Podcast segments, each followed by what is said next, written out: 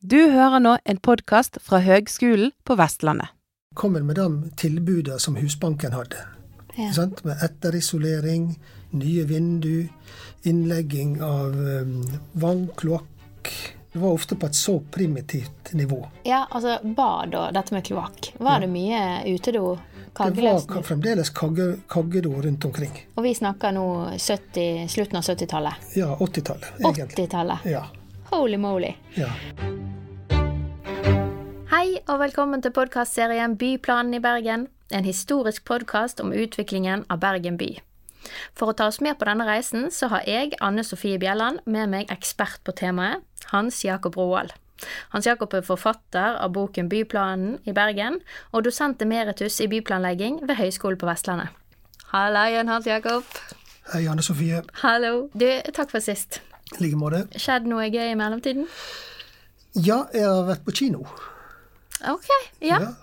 Jeg har rett og slett vært og sett en jubileumsfilm som heter 'Bergen i all beskjedenhet'. Ja, var han i all beskjedenhet? Nei, han var så ubeskjeden som, det går, som bare bergensere kan gjøre det når de skal lage film om seg sjøl. Fantastisk. Ja.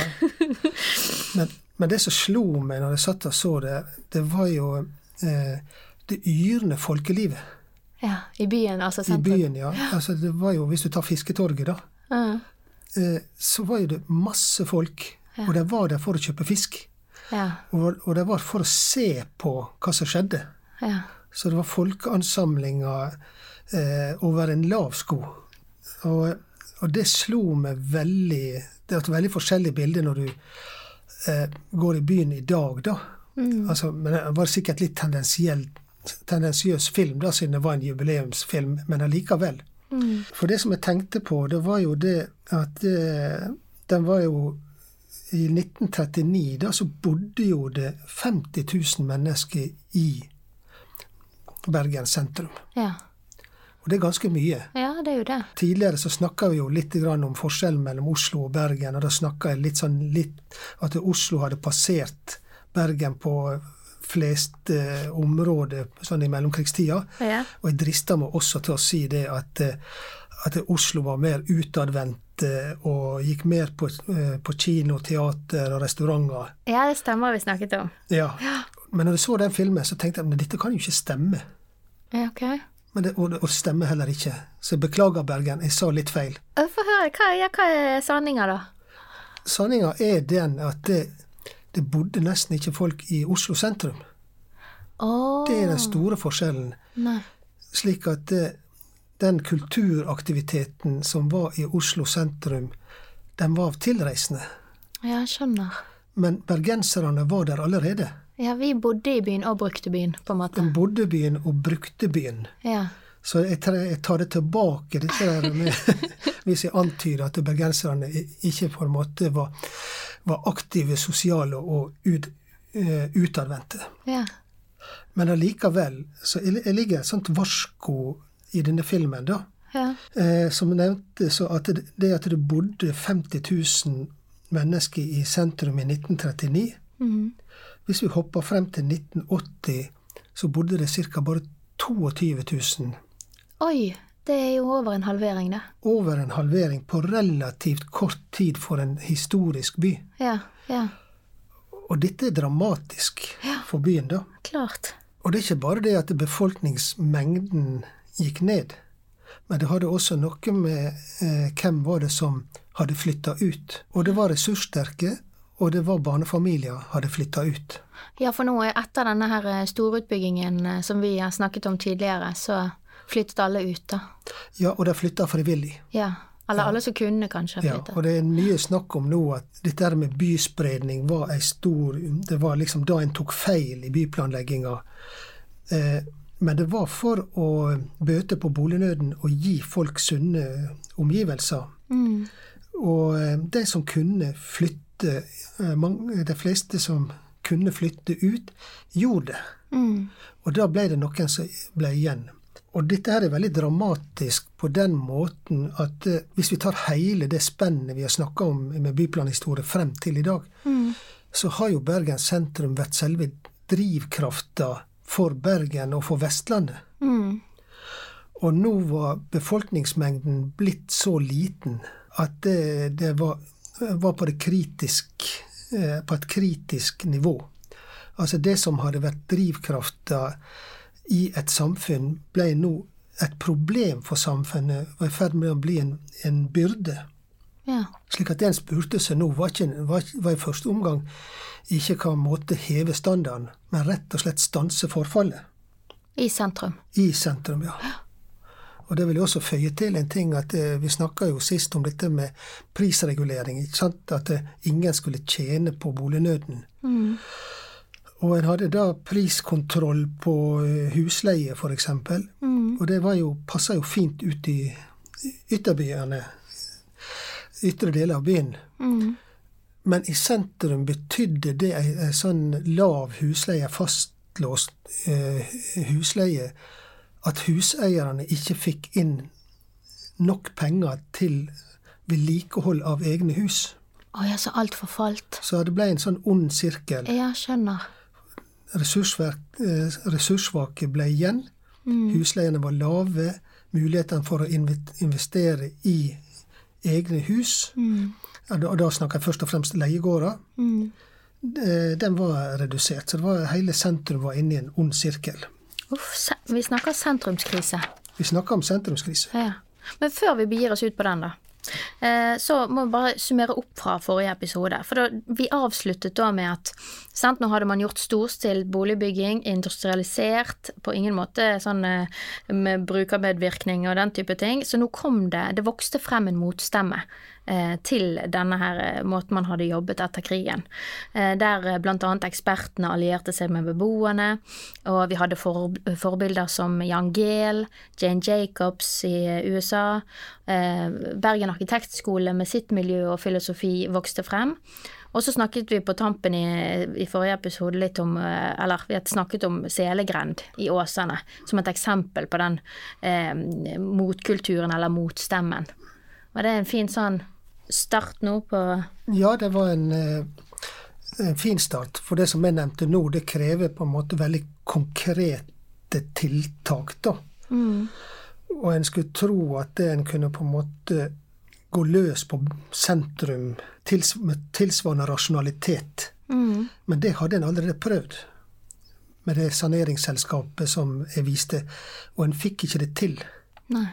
Og da begynte disse her motstemmene, som du helt riktig kaller dem, de begynte da å komme inn i Bergen kommune. Ok. Og en av dem var jo da en arkitekt som het eh, Gunnar Bakke. Ok. Og han var da, du kan kalle det en form for positivismekritiker.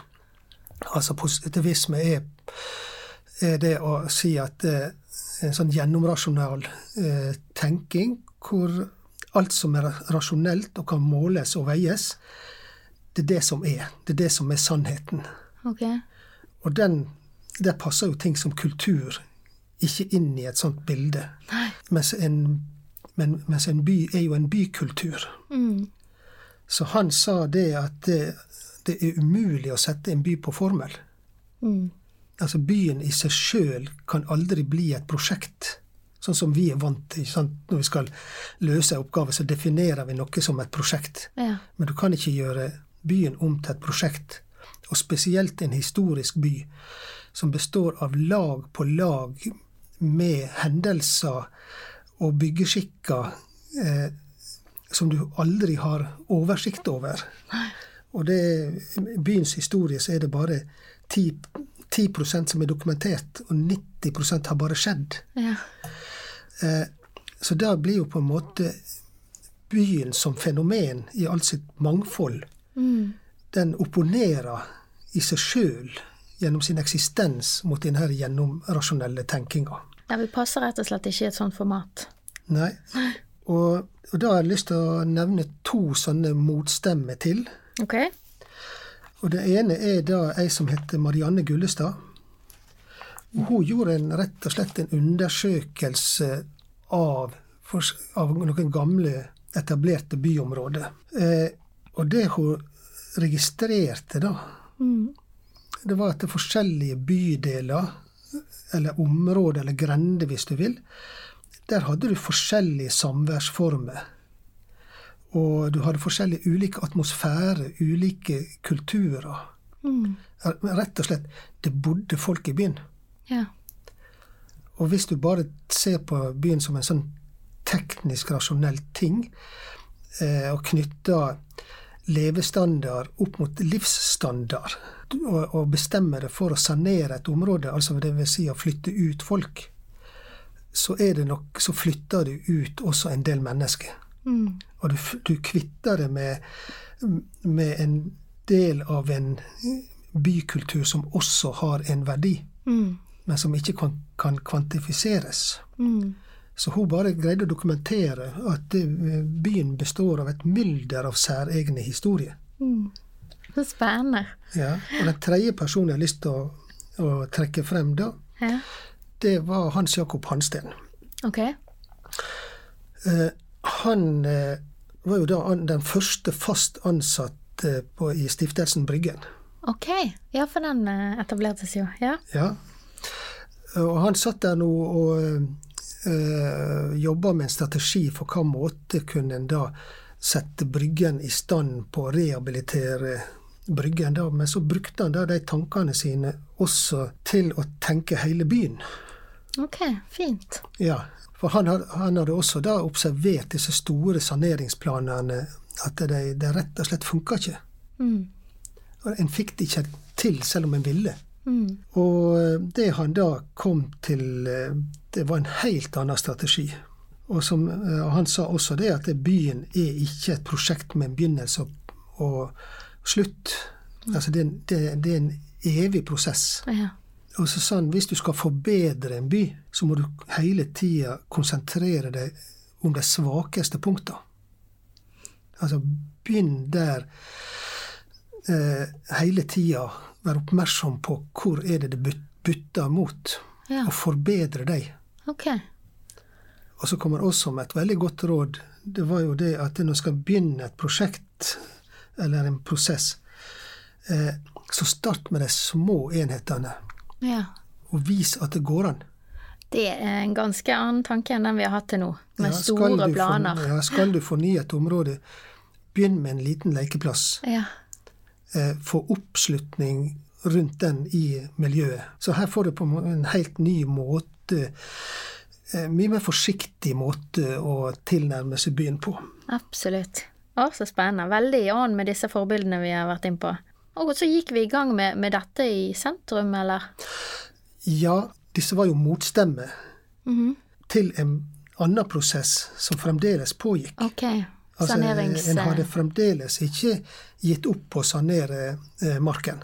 Ok. En satt fremdeles, satt deler av kommunen og regna på hva det ville koste å rive og bygge nytt. Og samme var på, på Nordnes. Mm. Eh, på trehusbebyggelsen på Nordnes satt en også da noen og regna på hva det, og hva måte skulle en gjøre det på. Helt konkret. En var kommet så langt. Okay. Og det en også hadde gjort, var jo det at en, hadde, en del eh, beboere der var jo blitt eh, tvangsflytta. Fordi det skulle saneres. Å ja, så man hadde gått såpass eh, Yes, det var langt i så prosessen? klokka var fem på tolv. Ja. Og der hadde stått til forfall lenge. Ja. Og også et område, eh, Kroken ved siden av eh, Mariakirka. Mm.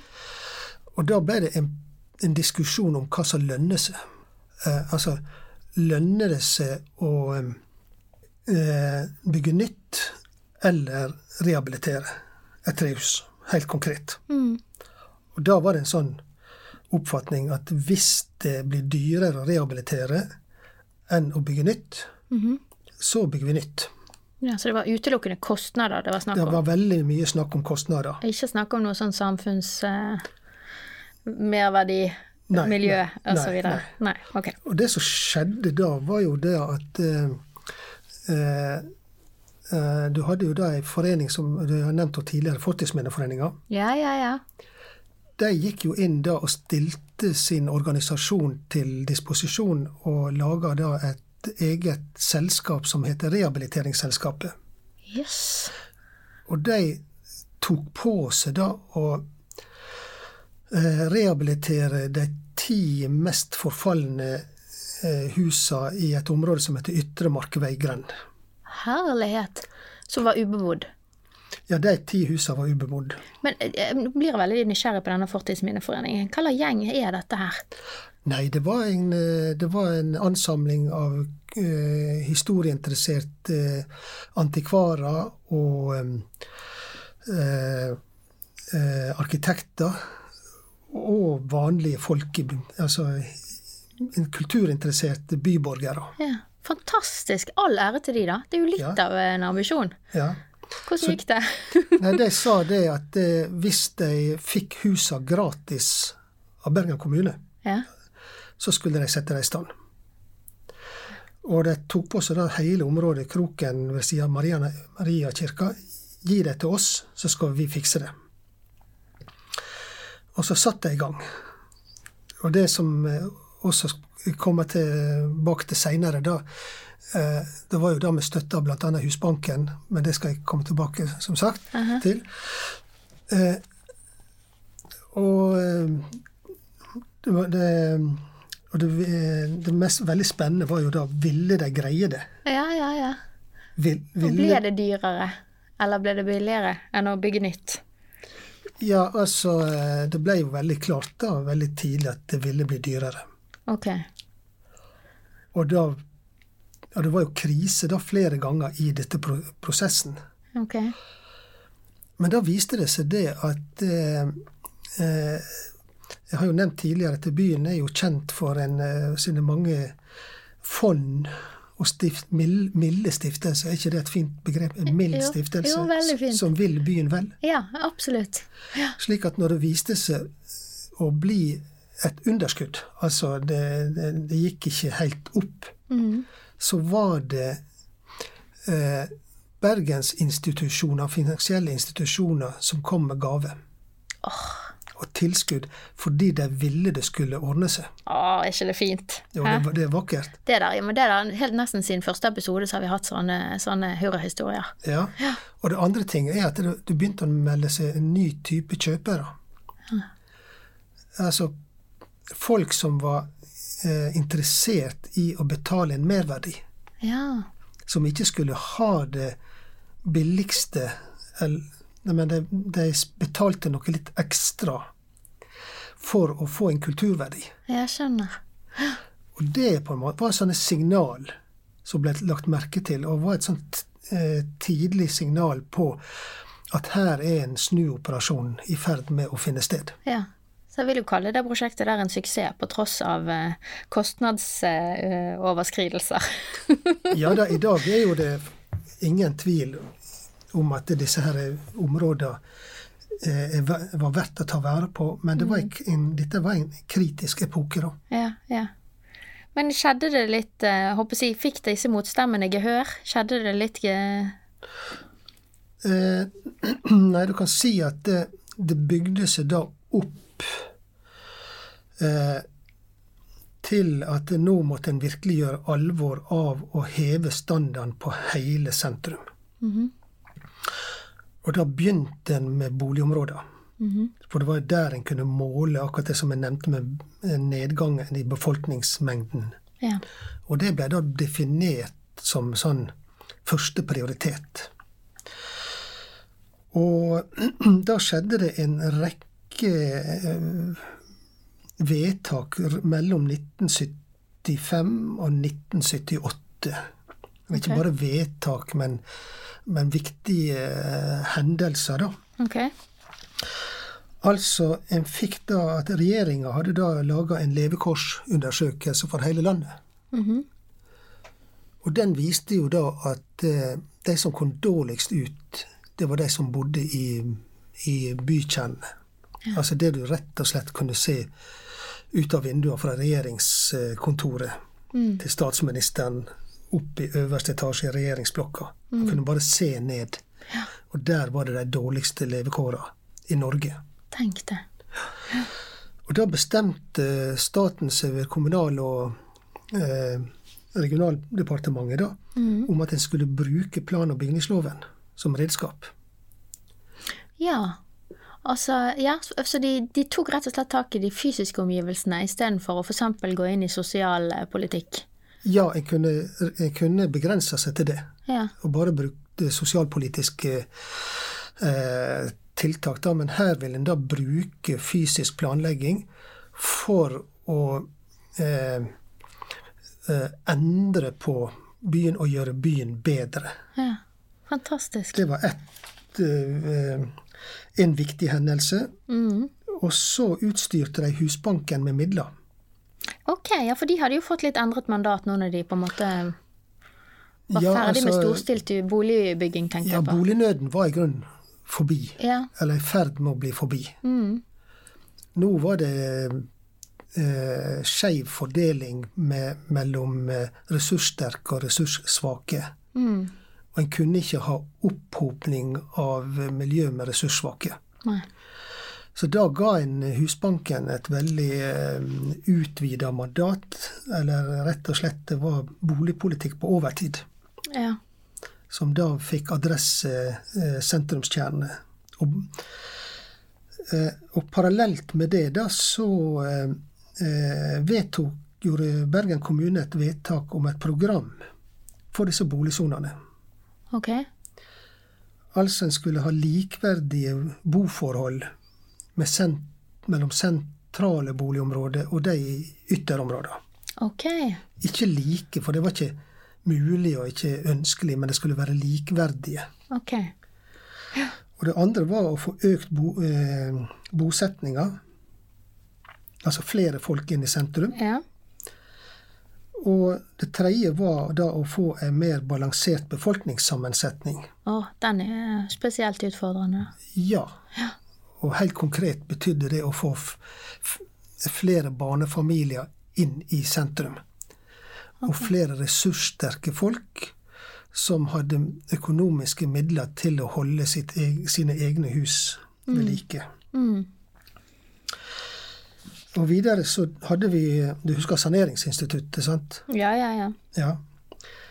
Og de hadde da eh, De da hvilte på en lov som heter Lov om sanering av tettbygde strøk. Mhm. Og den ble omdefinert til lov om fornyelse av tettbygde strøk. Herlig, du, her er det skikkelig vindskifte. Ja da. Hæ? Og det, egentlig så var det bare et ord. Jo, jo, men det er et, det er et viktig ord. Ja. Det var fra sanering til fornyelse. Ja. Og hovedgrunnen til at Saneringsinstituttet ikke fikk gjennomslag, det var jo at staten ikke stilte med penger og juss. Ah.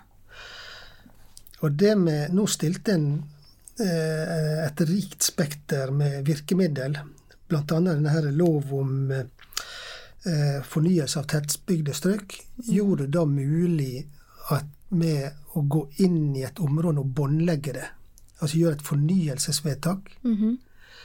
det vil si frys, eh, begrense kjøp og salg, Mm. eh, og unngå spekulasjon Mm. til en har fått eh, eh, laga en plan for området. Og når planen var vedtatt, så stilte en også en rekke virkemidler for å gjennomføre planen. Og her snakker vi jo en helt ny verktøykasse. Her snakker vi om verktøykassa, Ja. som, eh, som Og det var et fantastisk samarbeid mellom eh, eh, staten og kommunene. For staten spurte rett og slett kommunene hva trenger dere? Åh, så herlig. Ja, Og da fikk kommunene det de trengte. Så det var rett og slett lokalt tilpasset eh, verktøy òg, eller? Ja, Ordninger. altså når, når um, Det var en lyttende stat på den måten at eh, når Oslo kom og sa at våre utfordringer her i denne byen er det og det og det, så fikk de tilpassa virkemidler til det. Oh, fantastisk, da. Når Bergen kom og sa at nei, hos oss er det litt annerledes. Ja. Våre utfordringer de er sånn og sånn. Ok, Mm. så så tilpassa en det. Og da hadde en da lokale husbankkontor som kjente de lokale for, forholdene. Ja. Altså det var ikke noen som bare satt inne i departementet eh, og bestemte gjennom norsk standard om hvordan ting skulle være. Nei. Så det var eh, En tok eh, da hensyn til de forskjellige byene sin, eh, eh, sin egenart, da. Ja. Det er fantastisk fint. Det skulle vi godt gjort igjen, folkens. Ja, men eh, jeg, må, jeg må spørre om ett spesielt område, for vi har snakket så mye om det. Sant? Nå er det litt sånn eh, skifte i vindretning. Marken. Ja.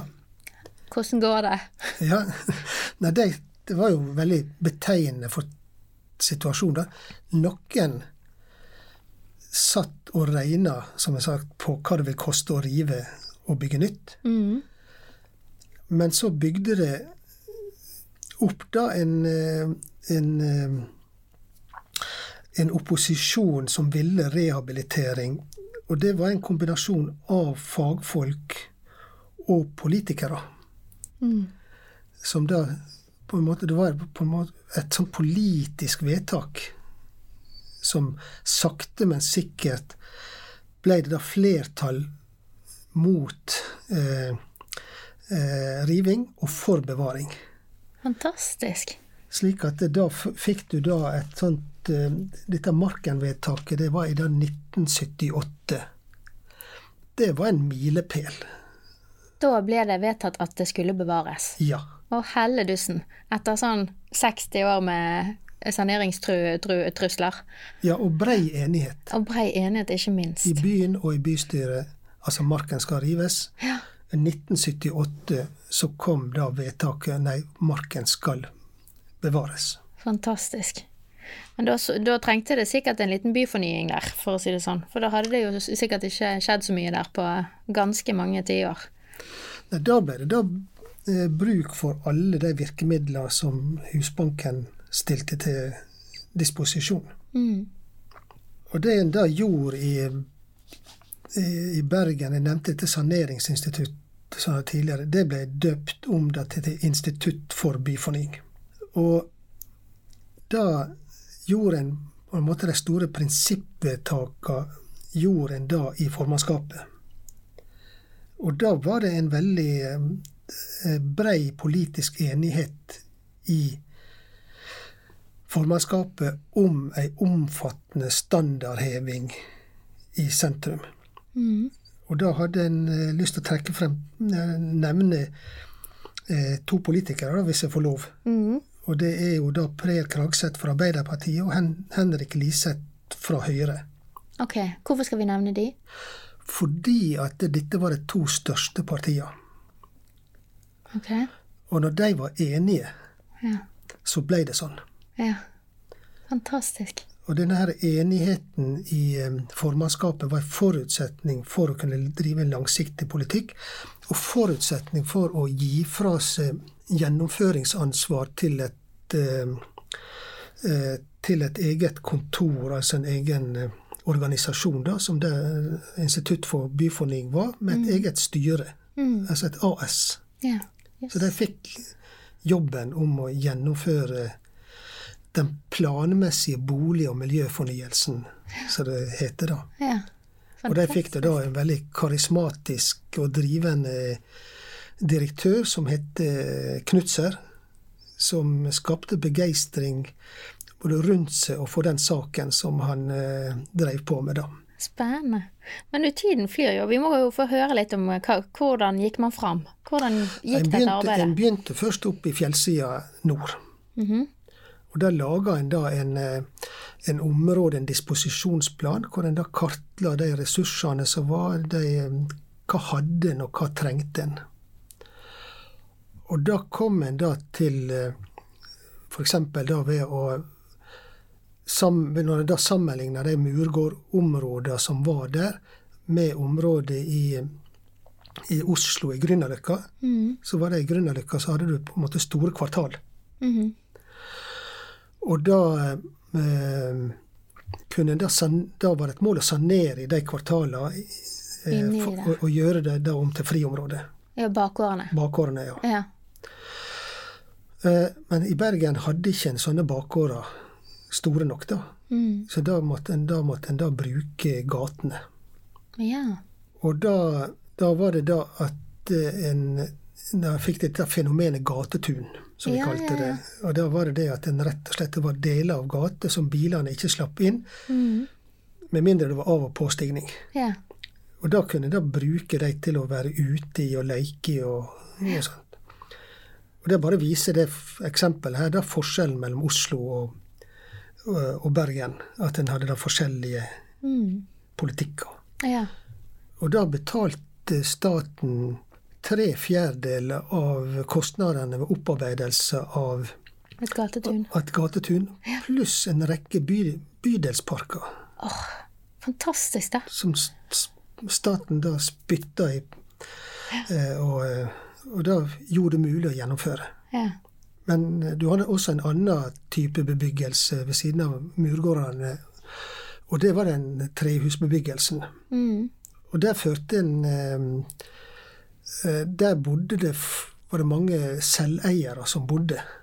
Og der var ikke utfordringene så store som de var i, disse, i murgårdbebyggelsen da. Nei, for mur, murbebyggelsen var mer leiegård. Med, Det var mer leiegård. jeg skjønner. Ok. Ja. Ja. Så der var det en forskjell. Ja. Man hadde litt mer eh, Altså man, man var litt mer opptatt av sin egen eh, eiendom. ja. Og dette gjorde seg utslag når du hadde f.eks. informasjonsmøte. Mm. Institutt for byfornying hadde informasjonsmøte. Da møtte folk i hopetall opp fra tre, disse, tre, disse grendene med trehus. Ja. Mens nesten ingen kom fra, fra disse her murgård. Ok, så engasjementet var markant eh, forskjellig, da. Ja, det var ikke deres område, på en måte. De, de ville ikke De hadde ikke noe sånn lokalpatriotisme og eierskap til, til eget, eh, eget boligmiljø og egen bolig, da, kan du si. Ja, Jeg skjønner. Så der måtte man òg lage litt ulike tilnærminger. Ja, og da var det det at i, denne her, eh, i disse her eh, områdene da med, med trehus, så tildelte en da En fikk eh, engasjert en arkitekt som fikk tildelt et område, og gikk rundt og banka på dører. Å, så gøy. Ja, og så og prata med folk og spurte hva de hadde, eh, så på standarden på huset. Og så tilbød en også da å eh, komme med de tilbudene som Husbanken hadde. Ja. Sant? Med etterisolering, nye vindu, innlegging av um, vann, kloakk, bad. Var, ja. Det var ofte på et så primitivt nivå. Ja, altså bad og dette med kloakk. Var det mye utedo? Det var fremdeles kagge, kaggedo rundt omkring. Og vi snakker nå 70, slutten av 70-tallet. Ja, 80-tallet, egentlig. 80-tallet. Ja. Holy moly. ja. Ok. Ja. Da, og da gikk det sport i saken. Altså da, da begynte det å skule på hva har naboen gjort. Ja. Og så så du at naboen hadde gjort eh, Skifta vindu, skifta tak, ja. fått det fint, pussa opp. Og så eh, skjedde dette på en måte med stor grad av frivillighet, Ja. hus for hus. Ja. Parallelt med det så gikk jo da kommuner inn og laga sånne små lekeplasser og friområder og sånt, etter den strategien som fortalte Hansten hadde lansert med begynn i det små Ja. og forsiktig. Ja. Åh, du, dette høres ut som en veldig sånn hyggelig prosess. Og de fleste var liksom med på det.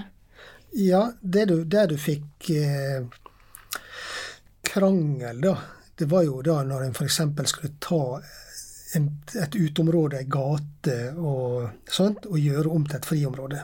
Ja. Og noen mista parkeringsplassen sin. Ja, selvfølgelig.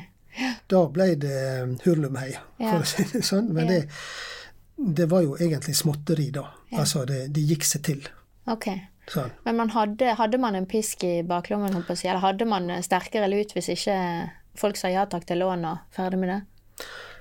Ikke så når det husa, så, så, så gikk det av seg sjøl. Ja. Altså, det, sakte, men sikkert så ble det da uh, Nye folk overtok og benytta seg av de tilbudene som var, om de som bodde der, ikke kunne og ville. Mm. Men tøffere var det i disse her murgårdene. Ja, hvordan gikk det der, da? Der var jo standarden på huset mye dårligere. Mm. Og betalingsevnen var dårligere. Og mange av dem var da, eh, eh, hadde da hushopp. Oh, Og det kjenner jo du til. det kjenner jeg til. Ja, Jeg Den- jobber jo med bygningsfysikk. ja. Det, Ja. Må, det må bare vekk, sant. Det må bare vekk. Ja, og det vil si at all trevirke som er infisert, må vekk. Yes. Det er ganske omfattende. Ja. Mm. Og det betydde at det, da vedtok en standard. Da alle hus skulle da opp til en viss standard. Og det kalte en for en 30-årsstandard. Det vil si at en eh, eh, Det skulle være beboelige, og ikke nødvendig komme med, med gjøre store investeringer i 30 år fremover i tid. Mm. Og for å kunne gjøre det, så måtte folk flytte ut. Du kunne ikke bo i den byggeplassen, for det var så omfattende Ja. utbedring som måtte skje. Mm. Men dette var jo private eiendommer, ikke sant? Mm. Og da brukte Bergen kommune muskler på den måten at en stilte krav til den enkelte huseier. Ok, så de måtte bare gå med på, på dette? Ja. Du fikk et krav, enten å skrive, måtte skrive under på en avtale om standardheving, Ja. og hvis ikke, så var det trussel om ekspropriasjon. Ok. Ja, så der viste de muskler, ja, absolutt. Der viste de muskler. Mm. Og dette var jo da en prosess som gikk område for område, hvor en begynte oppe i fjellsida, Støen, Ladegården og Rotthaugen. Og der også gjennomførte en da en punktsanering. Ok. Altså En bygde da Birkebennesenteret, som hadde da et stort eh, ble bygd fireetasjes parkeringsanlegg i kjelleren. Mm. Nye boliger oppe som var da du bygde eh, trygdeleiligheter. Du bygde en barnehage. Mm. Eh, og du bygde eh, også da vanlige boliger Ja. til folk flest. da. Lite bydelssentrum der. Ja. Ja. Og da, det at det Grunnen til at du bygde et sånt stort parkeringsanlegg på fire etasjer, var jo da å kunne ta eh, biler som i dag var parkert, da var parkert på gateplanen, og flytte inn i dette Ja, parkeringsanlegget. ja, ja. Ja, Så det var egentlig for, for nærområdet og miljøet? Ja. ja. Tenke seg til da staten ved Husbanken betaler for store parkeringsanlegg i sentrum. Du, det var tider, det. Ja, så, så fleksible var de. Ja. Fantastisk. Og så tok en da, gikk en over til Nordnes, Ja. og så gikk en over til um, Møhlenpris, og så begynte en på Nedre Nygård. Ok. Fantastisk. Ja, Fortell om Nedre Nygård, da. Ja, Nedre Nygård det var et område som lå på kanten av bevaring. Ok. Altså der var um, standarden på bygningene var enda lavere enn i fjellsida, og får ikke snakke om på, eh, på Møhlenpris. Okay. Så da gjorde en i grunnen et vedtak om å båndlegge hele området og, og starte å kjøpe opp med tanke på riving. Ok. Bergen kommune begynte å kjøpe opp, da? Ja, Ok. Ja. Området rundt Grieghallen? ja fra Grieghallen og, og, og sørover, kan du si. Ja. Og da var det for å flytte inn andre institusjoner, f.eks. Norges Bank hadde sagt de ønska eh, nye lokaler. Fylkeskommuner skulle ha nye lokaler. Eh, eh, og eh, friundervisninga, slik at du hadde konkrete byggherrer som skulle inn. Du skulle rive området, du skulle fortrenge de som bodde der. Det var tøff politikk. ja, det er ganske brutalt. Ja. Og da begynte kommunen å kjøpe opp, og eh, en begynte å lage planer for dette her. Ja. Men så skjedde det noe. Dramatisk og uventa. Å. Ei økonomisk krise. Å. Ja, fortell. Ja. Det der krakket. Ja. Det var når? Rundt 1990. Ok. Ja. Og da hadde det rett og slett bygd seg opp en overproduksjon av boliger. Ja. Og det var ikke i sentrum. Det var andre plasser. Ok. Og det var felles i grunnen for um, i hele Europa. Og det hang, ang- hang sammen med sånne ting som utflagging av utflagging av industri, og spesielt i England, med eh, hvor det la ned kullgruver og skipsverft ble lagt ned. Mm. Altså det var, det var mange faktorer som spilte inn samtidig, da, men økonomisk krakk ble det. Ja. Vi merka ikke det så mye i Norge fordi at eh, eh, vi var blitt en oljenasjon. ja, vi hadde den å hvile litt på, ja. Ja, så vi tok en litt walkover. ja. Men noen konsekvenser hadde det jo. Var ikke det da renten fløy til værs? Renta fløy til værs. Kommuner satt igjen med stor gjeld. Mm. Og så var det de da som bodde i allerede utbedra områder, de som da skulle kommuner skulle hjelpe de, de ressurssvake, Mm. de ble plutselig sittende med altfor høye renter. Ja. Og da ble de offer for en offentlig initiert prosess som skulle hjelpe dem. Oi, ja, den er litt kinkig. Så denne byfornyelsen, den resulterte plutselig i at de ikke klarte å betale gjelden sin. Yes. Au. Og da ble det avisskriveri, og hele byfornyelsen som begynte med de beste intensjoner rundt 19, og ble realisert rundt 1980, bare etter ti år, Oi. så kom han i miskreditt. Ja. Og det var dramatisk. Ja, den eh, Og det som hadde vært en så, så fint initiativ, nå fikk de liksom virkelig høre det, da. Eller de fikk en skyllebøtte, vil jeg tro. Ja, og de som jobba med det, var så optimistiske at en hadde glemt vareopptellinga. Hva mener du? At når det kom i eh, med anklager om krise, og at eh, dette var et dårlig idé og et dårlig prosjekt, Mm. så kunne ikke en dokumentere det på stående fot, det fremskrittet som virkelig nei. hadde skjedd. Ja, en hadde bare gjort det, en hadde ikke målt og dokumentert. Nei, så, Ok, så en ble svar skyldig. Ja. Og det betydde at de institusjonene for, som drev med byfornyelse i Trondheim og Oslo, de ble lagt ned. Oi. Case closed. Bergen, da? Bergen så stansa også alt opp, men en hadde en måte å fikse gjeldssanering på for egen del. Ok. Og så kom det støtteordninger fra staten til de som kom uheldig ut, og, og ble offer i gåseøyne for byfornyelsen. Mm. Men eh, Bergen kommune opprettholdt gjennomføringsorganisasjonen. gjennomføringsorganisasjonen. Eh, men når det først var krise, så stilte jo da staten med, med, med krisemidler. Mm. Og spurte er det noen som har noen prosjekt på gang, noen planer på gang. Og da kunne Bergen rekke opp hånda. Jo, vi har både planer og vi har organisasjon. Ja. Så staten kom med sysselsettingsmidler, Mm. så sto eh, eh, Bergen klar til å ta imot. Så da tok Bergen imot eh, brorparten av de midlene som kom i første omgang. Og tok det inn igjen i byfornyingsprosjektet? Tok det inn igjen i byfornyingsprosjektet. Ja. Fullførte det på Nedre Nygård, eh, Nygårdshøyden og Vågsbunnen. ja. Men så var det slutt. Okay. Så da rundt år, veldig grovt rundt 2000, så var det da, hadde en da, sa en da ok, nå har en da oppnådd det en skulle Ja. med byfornyelsen. Fantastisk. Men det var jo ikke slutt av den grunn, men det kan vi komme litt tilbake igjen i neste episode. Spennende.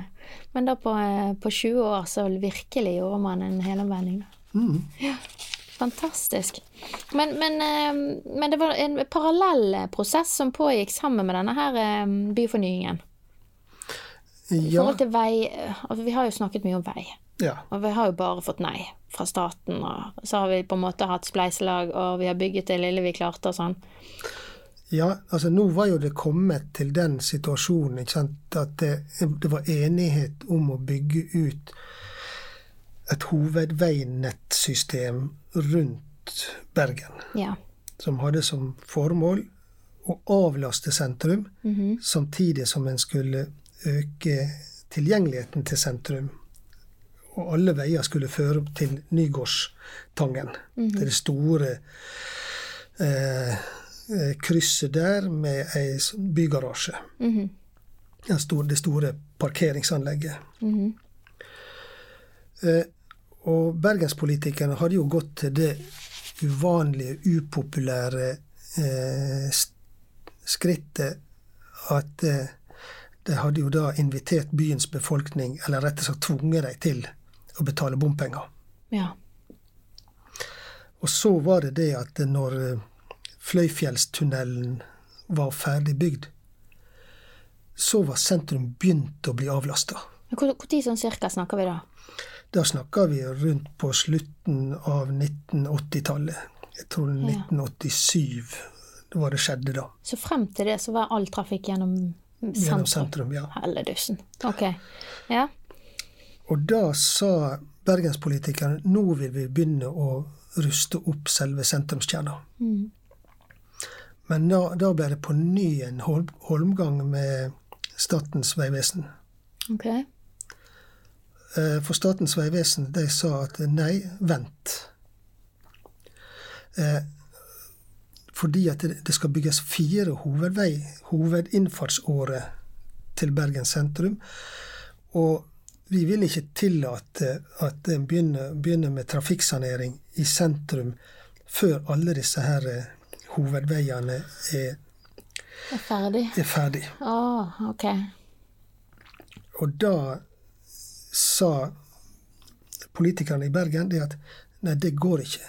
Vi kan ikke invitere byens befolkning til å betale for et tiltak som skal føre til standardheving i sentrum, uten å få se den standardhevinga. Mm. Det må skje nå.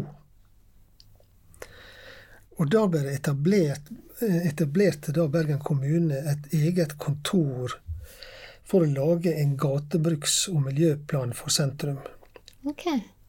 utafor kommuner. I, eh, og, og der, og der ble, der ble da bemann, bemanna av fagfolk, eksterne fagfolk. Og Statens vegvesen satt ikke i det kontoret, men der satt en da og planla stat, på, på statene sine vegne. Du, dette var litt sånn eh, uvanlig eh, fremgangsmåte. Var det eh, konflikt? Altså, var det det som gjorde det? Eller?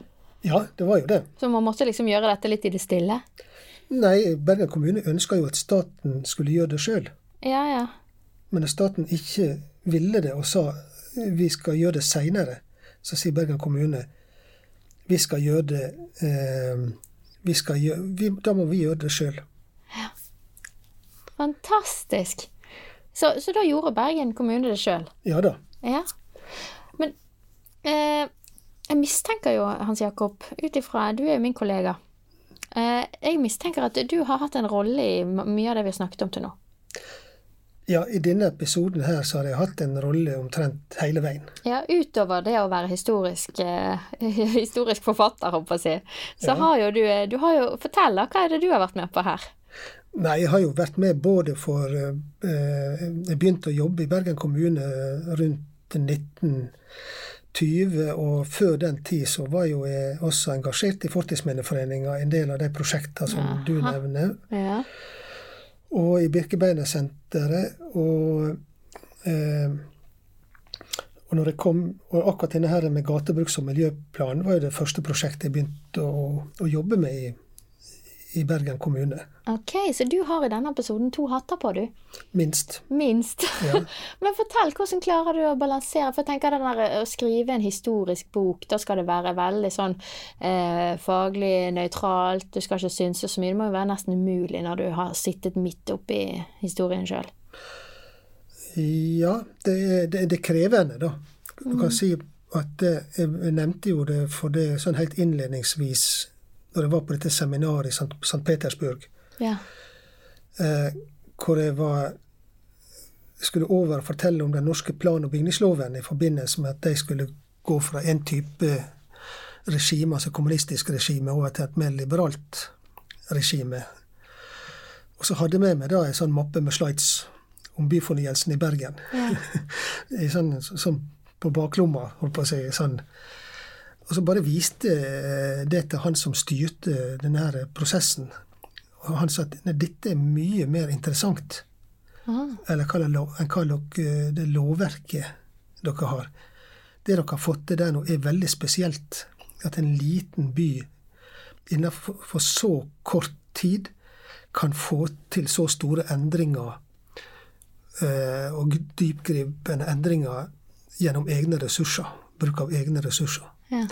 For dette var jo ting som en kjempeby som St. Petersburg ikke kunne gjøre vis-à-vis Moskva, f.eks. Moskva skulle bestemme. Så det, bare denne her lokal initiativ, eller et lokalt eh, eh, engasjement for kvalitetsheving, det var et sånt viktig stem, ble en sånn viktig case eh, på en sånn stor konferanse. Mm. Og da var det sånn Dette må du skrive om. Ja. Og så begynte det først med et seminar innenfor Fortidsminneforeninga eh, som handla om eh, Det var for, forgjengeren til Bergen byplans historie. ja. Og så bare begynte jeg å skrive på si. Ok. Sånn ett kapittel nå, ett kapittel da. Fikk litt støtte fra Husbanken, men satt for meste for meg sjøl. Ok. Og så eh, hadde jeg et manus klart. Mm. Og så tenk, tenkte jeg at jeg, trengte støtte til eh, Hjelp til illustrasjoner. Yeah. Og da gikk jeg til Byarkivet og la frem saken for deg, og de sa det at eh, jo da, ei sånn bok som du holdt begynt på, det trenger vi. Det trenger byen. Men vi har lest gjennom manus, og det holder ikke mål. Oi. Klar tale der. Veldig klar tale. Ja. Fordi at jeg hadde jo da synsa i vei i forhold til artik en artikkel jeg hadde lest her, ei bok jeg hadde lest der. Mm. Og da sa Arne Skivenes, som da var leder for Byarkivet, at du, må, du, skal, du skal holde deg til eh, primærkildene. Ja. Og primærkildene, de er her. Vær så god, her har du et kontor. Og, og her står da formannskapsprotokollene på rekke og rad. Og du, det er de du skal referere til hele veien. Ja. Og så fikk jeg da Mona Nilsen til å hjelpe meg med å plukke ut illustrasjoner, og hun hjalp meg med mye mer enn det. Og uten de, deres hjelp, eh, eller det initiativet de tok, så hadde, hadde den boka jeg skrev blitt en dårlig bok. Ok. Hvis hun i det hele tatt hadde kommet ut. Ja. Eh, og også da den Jeg fikk et, eh, et veldig godt eh, forlag, da, Spartakus Akademiske Forlag. Mm. Og de kjørte også en veldig kraftig eh, både kildekritikk eh, av det. Så det ble, en, det, ble, det ble en tung, men viktig prosess. Ja. Slik at akkurat det jeg snakker om i dag, der har jeg også kildene på plass. Altså formannskapsprotokollene. Men jeg skal være så ærlig, og det, og det ligger jo i sakens natur, Ja. at når jeg snakker om den epoken som jeg sjøl var aktør, Mm. så snakker jeg med en, med en eh, garantert med en annen innlevelse, som du kanskje hører, Eh, og innforståtthet, Mm. enn om jeg ikke hadde vært det. Ja, ja. Men det tror jeg vi kan bare være glad for. Ja. Veldig bra. Ja. Men vi, vi, må, vi må jo fortsette på dette her. Eh, eh, gatebruksplan. ja. Ja. Eh, var det mer å fortelle om den? Ja, det var det jo. For det var jo store endringer som lå i denne planen. Og de skulle settes i verk.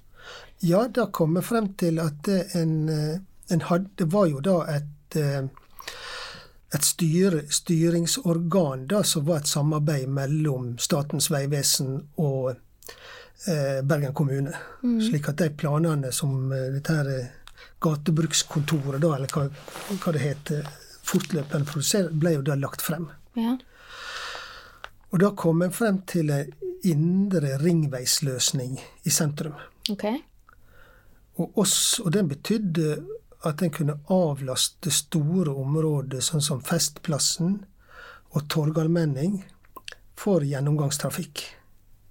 Slik at en kunne starte da opparbeiding av de områdene. Eh, og det var jo da Jeg husker jo veldig godt den dagen hvor det, dette skulle skje, denne omlegginga. For da var det blitt enighet med Statens vegvesen fordi at eh, den omlegginga kunne ikke Bergen kommune gjøre. Altså var staten sine veier. Ja, de måtte ha løyve. Ja. Ja, ja. Og da skjedde det mellom 6. og 7. november 1989, og det skulle vært laga en film om. Fortell. Fordi at da har en drevet sånn aktivt eh, aktivt eh, mm, informasjonsarbeid til alle som skulle inn til sentrum om morgenen, og så jobba en hele natta med å legge om veiene. Ja. Alle lyskryss måtte eh, omprogrammeres, og gater måtte stenges. Ja. Og så var en veldig spent da når rushtrafikken kom om morgenen. ja. Og ingen hadde lest bruksanvisninga. Nei. Som vanlig. Da sto trafikken, ikke sant? Ja, det vil jeg tro. Ja, ja. Og Eggen, da, som var plansjef i, um, eh, i Statens vegvesen, eh, som egentlig var litt sånn motstander av dette her, han rykte jo ut i dagspressen og sa 'Hva var det jeg sa?' Ja, ja. Sant? Men neste morgen så glei det. Ja, så vi lærte fort. Lærte fort. Veldig bra. Og da hadde vi altså fått oss et bilfri, bilfri festplass, bilfri Torgallmenning. Ja. Herlig. Og da er det at eh, Bergen kommune på en måte løfter seg for andre gang i denne episoden her. Vi hadde da denne her planmessige bolig- og miljøfornyelsen. Men nå skulle en ta fatt i det offentlige området, altså utomhusområdet og plassene. Ok.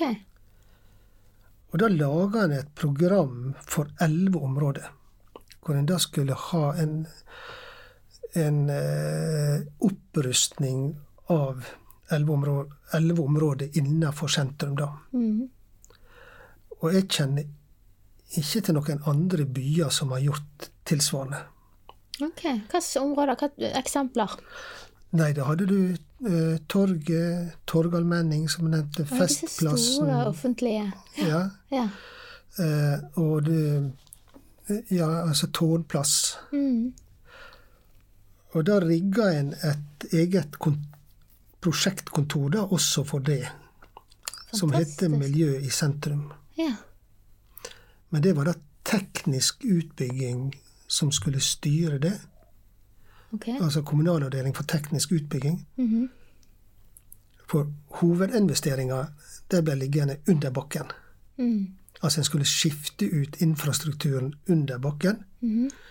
Men den store diskusjonen ble jo det som skjedde oppå bakken. Ja, ja, ja. Og der var det da um, landskapsarkitektene og arkitektene som var aktører. Mhm. Og så tok en da område for område, og det spesielle med måten en gikk frem på, det var det at eh, en hadde da et eh, kommunalt team for enkelt, det enkelte området, og det kommunale teamet der ble også, fikk da en kunstner i tillegg, Oi. som skulle være kunstnerisk rådgiver. Ja. Men det utøvende teamet, som det konsulentteamet som skulle stå for det, da, det skulle også ha en kunstner med. Oi. Og det var veldig spesielt. Ja, det var eh, spesielt. Ja. Men så begynte hun da veldig optimistisk. En begynte da med en, eh, nei, med en arkitektkonkurranse for området Torgallmenning, Torg, Bryggen. Altså det aller viktigste området. Mhm. Stor konkurranse. Og det har vi sett før. Sånn, store prosjekt i en by. Ja. Det fører ikke alltid frem. Nei, vi har jo lært at de der små eh, Smått, grepene smått er godt. Smått er godt, rett og slett. Ja. Ja. Og um, da begynte en litt i feil ende. Ok, hvordan da?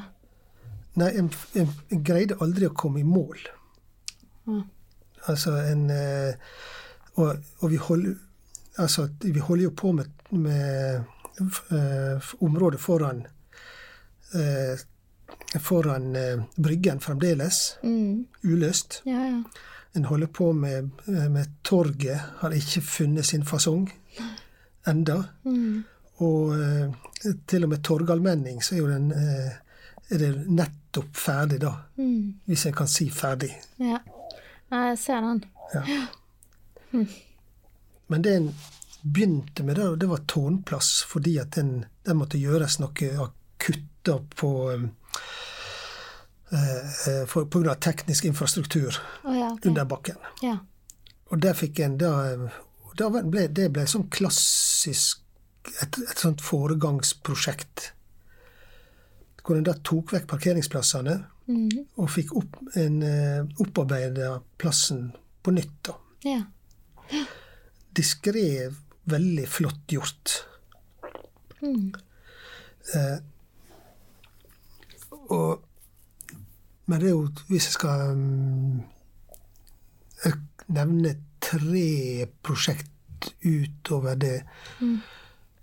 eh, så har vi da området der disse to hovedaksene møtes. Ja, Den blå steinen? Ja, Ja. Og den ble til på en spesiell måte. Å ja. For da hadde du noe som het eh, Kavlis allmennyttige fond. Ja, disse fondene. Ja. Og det henvendte seg til byen fordi at eh, de ville gi byen ei gave Ok. i forbindelse med et jubileum. Ok. Og da takka byen eh, høflig ja takk, Mm. men jeg satt som betingelse og da, da, og for, Men foreslo hva med å opparbeide et sentralt byrom? Eh, og eh, da eh, pekte en da på akkurat dette området her, som da tror jeg het, eh, het, het, Heter det Kong Olavs plass i dag? Går man. Jeg kaller det Den blå steinen, jeg. Ja, ja. Det er der du mener, sant? Ja, ja, ja. ja, ja. Men det, det annet. Men akkurat på den tida så gikk jo det trafikk på kryss og tvers der. Ja, ja, ja. Så det Det- var jo det sikkert asfalt, da. Ja. Ja, det må jeg huske på. Nedslitt område. Ja. Og da sa også kommuner det at eh, da skal eh, eh, Vi skal da plukke ut eh, konsulenter til å gjøre det. Ok. Og da ble det en konsulentkonstellasjon da mellom arkitekt Bakubus med Asbjørn Andresen som kunstnerisk eh, eh, aktør der. Og det ble da til, som du sa, Den blå stein. Yeah. Og alle prosjekt i, eh, innenfor disse her elleve områdene, så tror jeg mange er enige om at dette er det mest vellykka. Altså den, den blå steinen er jo da en sånn rektangulær, enkel eh, stein da som ligger litt sånn vindskeiv på retningene. Mm. Og, og tar nede i bakken på et hjørne, og så går litt eh, oppover på det andre. Og er blitt et sånt begrep. Ikke sant? Ja. Den mø en møteplass. En møteplass. Vi møtes ved Den blå steinen. Ja. Og så er den ulik alle andre skulpturer. Eh, I den ene enden eh, så du har, du har eh, den strenge Henrik Ibsen som står der og ser strengt nedover byen yeah. foran teateret. Og så har du da Sjøfartsmonumentet Mm. med, med liksom byens sjøfartshistorie den, på Torgallmenningen. Ja. Og alle sammen er det, er det, er det alvorlige, viktige menn. Mm. Og her får du da et eh, abstrakt monument som på en måte kneler for byen. Han gjør ikke seg sjøl viktig, men han sier 'bruk meg'. ja. Og appellerer også til barn. Ja, Kan jeg veldig. som småbarnsmor bekrefte. Ja. Og litt lik sånn som eh, operaen i, eh, i eh, nye operaen i eh, Oslo. Mm. Som på en måte du går opp på taket. Mm. Du gjør, gjør det sjøl til et stykke brukskunst. Mm. Jeg er helt enig. Veldig bra. Men eh, jeg tror vi må summere opp litt, eh, Hans Jakob. Ja. For nå har vi vært igjennom sånn ca. 20 år med vanvittige endringer. Mm. Fra en sentrumskrise med nesten jeg håper å si ingen innbyggere, sier jeg, men sånn 22 000 var et tall vi var inne på. Mm. Eh, og så har vi da jobbet oss frem til 2000. Mm. Og hvordan skal vi skildre Bergen 2000? Hurra. Hurra! Fantastisk! Ja, altså, det er jo det. Når en da skal gå tilbake, igjen tilbake til hva måte dette her starta på med Altså helt tilbake til, igjen til 1850. Mm. hvor en hadde da hvor Utgangspunktet var eh, voldsom tilstrømning til byene. Voldsom nød i byene. Usunne forhold. Mm. Og så hvor en på en måte måtte erkjenne at det var nødvendig med samfunnsplanlegging, dyptgripende planlegging, for å få det til. Mm. For å kunne Og så gikk en hele 50 år frem i tid til denne her eh, konferansen jeg refererte til i, i London rundt 1910, hvor en kunne si verktøykassa er full. Mm. Så gikk en nye 50 år til etterkrigstida Mm. før staten kom skikkelig på banen Mm. med å stille både økonomi og juss yeah. eh, eh, til rådighet, og samtidig autorisere byen til å gjennomføre det. Ja. Og dette her er samspillet mellom stat og kommune om en felles visjon, er jo da en forutsetning for, for på en måte å gjøre ambisiøse eh, eh, mål til virkelighet. Altså så her har vi et eh, spenn på 150 år før vi kan si hurra. Mm. Nå er jobben gjort, gjort med det som var utgangspunktet, eh, selve sentrumskjerna Mm. som et sted i forfell, og, og sted som eh, på en måte var en var en utfordring, var nesten et byrde for samfunnet. Ja.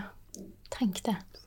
Og det fantastiske det er jo det at det, hvor lang tid det tok for programmering og organisering til å komme på startskuddet, hvor en kunne liksom si klar, ferdig, gå rundt 1980 og år 2000 så er på mange måter i mål, altså bare, bare på 20 år. Mm.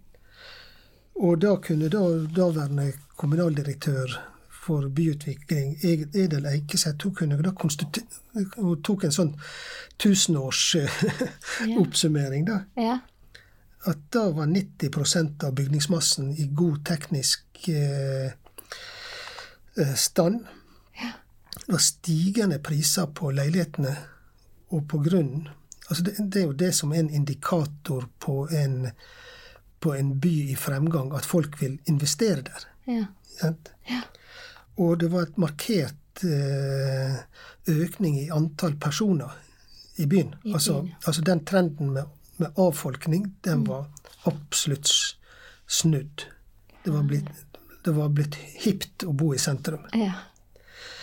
Og, og det var også en ting som var nytt. Det var Vi snakka da om ei representativ befolkningssammensetning. Og nå handler ikke den bare om unge, eldre, eh, på midten-folk, Mm. men også folk fra forskjellige kulturer. Ja.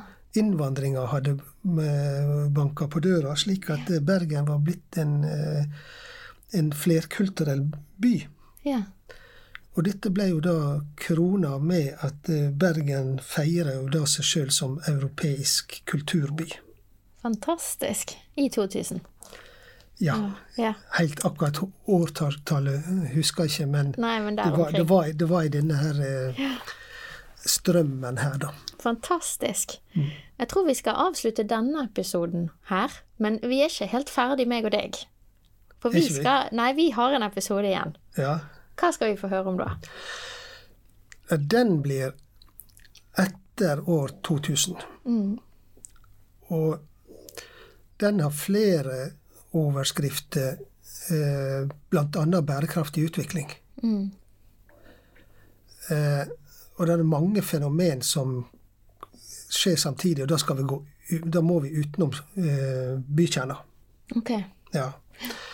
Og den, den blir litt krevende fordi at det da er Mye av det jeg snakker om nå, da kan du gå på formannskapsprotokoller og sånt, og du har liksom kildegrunnlaget veldig tydelig, men nå blir du så nær opp til vår tid Mm. at du får fenomen som det er lite forska på. Ja, ja, ja. Det er ufordøyd. Det er det. Eh, Men da må vi passe på hverandre, Anne Sofie, at vi ikke blir usaklige. sant? Ja da, vi skal prøve på det. Vi skal, men, men, men det blir veldig krevende på en måte, og jo mer du nærmer deg eh, dagens situasjon, Mm. jo mer blir det helt uunngåelig eh, kommer det subjektiv eh, koloritten da, av Ja, fortellinga inn. Ja, jeg ser den. Ja. Men eh, vet du hva? Jeg gleder meg likevel. Ja da. Vi ses. Ja, det gjør vi. Takk Ja. for i dag, Hans Jakob.